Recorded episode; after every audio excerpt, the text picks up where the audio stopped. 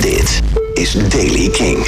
Nieuws over metal luisteren in de auto. Het Valkhof Festival, het Bruisfestival, de 1975 en Metallica met de Star Spangled Banner. Dit is de Daily King van donderdag 6 juni. Metalmuziek luisteren tijdens het autorijden kan je rijgedrag negatief beïnvloeden. Dat blijkt uit Engels onderzoek. Tijdens het beluisteren van vier verschillende muziekgenres, pop, urban, klassiek en metal, moesten deelnemers aan een onderzoek een parcours afleggen. En bij metal bleken de negatieve effecten op de concentratie en veiligheid het grootst. Als metal track werd Sick van Slipknot uit 1999 gebruikt en de andere nummers in het onderzoek waren Shake It van Taylor Swift, Humble van Kendrick Lamar en Goldbook Variations van Johann Sebastian Bach. Hoe steviger en extremer de muziek, hoe onregelmatiger en gevaarlijker de bestuurder reed. Klassieke muziek resulteerde in een te ontspannen bestuurder, terwijl popmuziek het beste lijkt voor gecontroleerd rijden.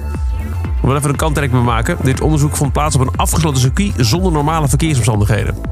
Wel bleek duidelijk dat trash metal het vermogen om soepel te rijden aantast, volgens de onderzoekers. Hoofdoorzaak van de afleiding is het volume van de muziek, omdat metal, en dat is het goede nieuws, nodig uit om de radio hard te zetten.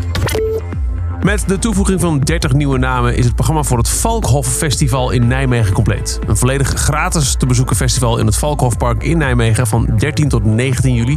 Onder de nieuwe namen zijn onder meer Fontaine's DC, Viagra Boys, Moses and the Firstborn, Blank Mass, Stuff, Komodo, Benji en de Gelukszoekers. En ook zijn de namen bekendgemaakt van het gratis Maastrichtse festival Bruis. Dat vindt plaats in het Frontenpark in Maastricht op 30 en 31 augustus en 1 september. En is, zoals gezegd, gratis toegankelijk. Traditioneel staan daar veel Belgische acts op de line-up. Deadman Ray, Strand of Oaks, Whispering Suns, Portland, Evil Empire Orchestra en Suns. En ook Nederland is goed vertegenwoordigd, want er staan onder meer Spinvis, Indian Esken en Tape Toy op de line-up. En verder uit andere landen The Villagers, Finn Andrews van The Veils en Daniel Norgren. Matt Healy heeft wat meer bekendgemaakt over wanneer we nieuwe muziek kunnen verwachten van de 1975. Er gaan al tijdenlange geruchten over een nieuw album van de band, maar tot nu toe was er nog niet zo heel veel bekend. En nu heeft Matt Healy op zijn Instagram-pagina meer duidelijk gemaakt over wanneer we iets kunnen horen. Vanaf augustus zegt hij wil ik nieuwe muziek gaan uitbrengen, maar ik weet echt nog niet wanneer er een album gaat komen. Op het album moeten we nog even wachten, maar nieuwe muziek in augustus is nu bevestigd. Wellicht een voorproefje tijdens een Pinkpop show komend weekend. En dan hebben we dit. Gisteren vertelde ik al dat Metallica bij de NBA Finals zou gaan spelen in San Francisco. En dat is inmiddels gebeurd. Kirk Hammett en James Hetfield. Ze zijn op dit moment op tournee door Europa. Ze staan dinsdag in de Amsterdam, sorry, de Johan Cruijff Arena. Nog steeds even wennen.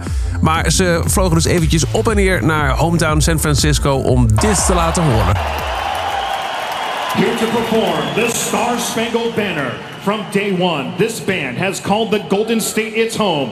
Please welcome James Hetfield and Kirk Hammett of Metallica.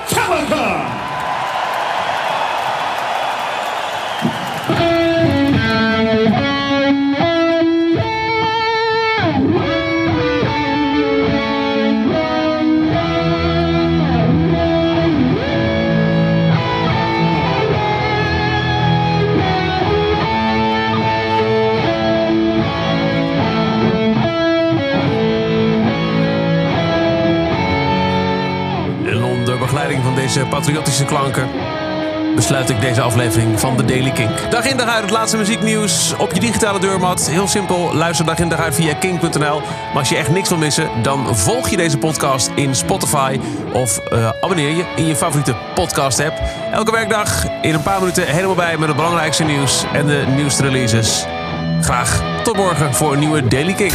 Elke dag het laatste muzieknieuws en de belangrijkste releases in de Daily Kink. Check hem op kink.nl of vraag om Daily Kink aan je smart speaker.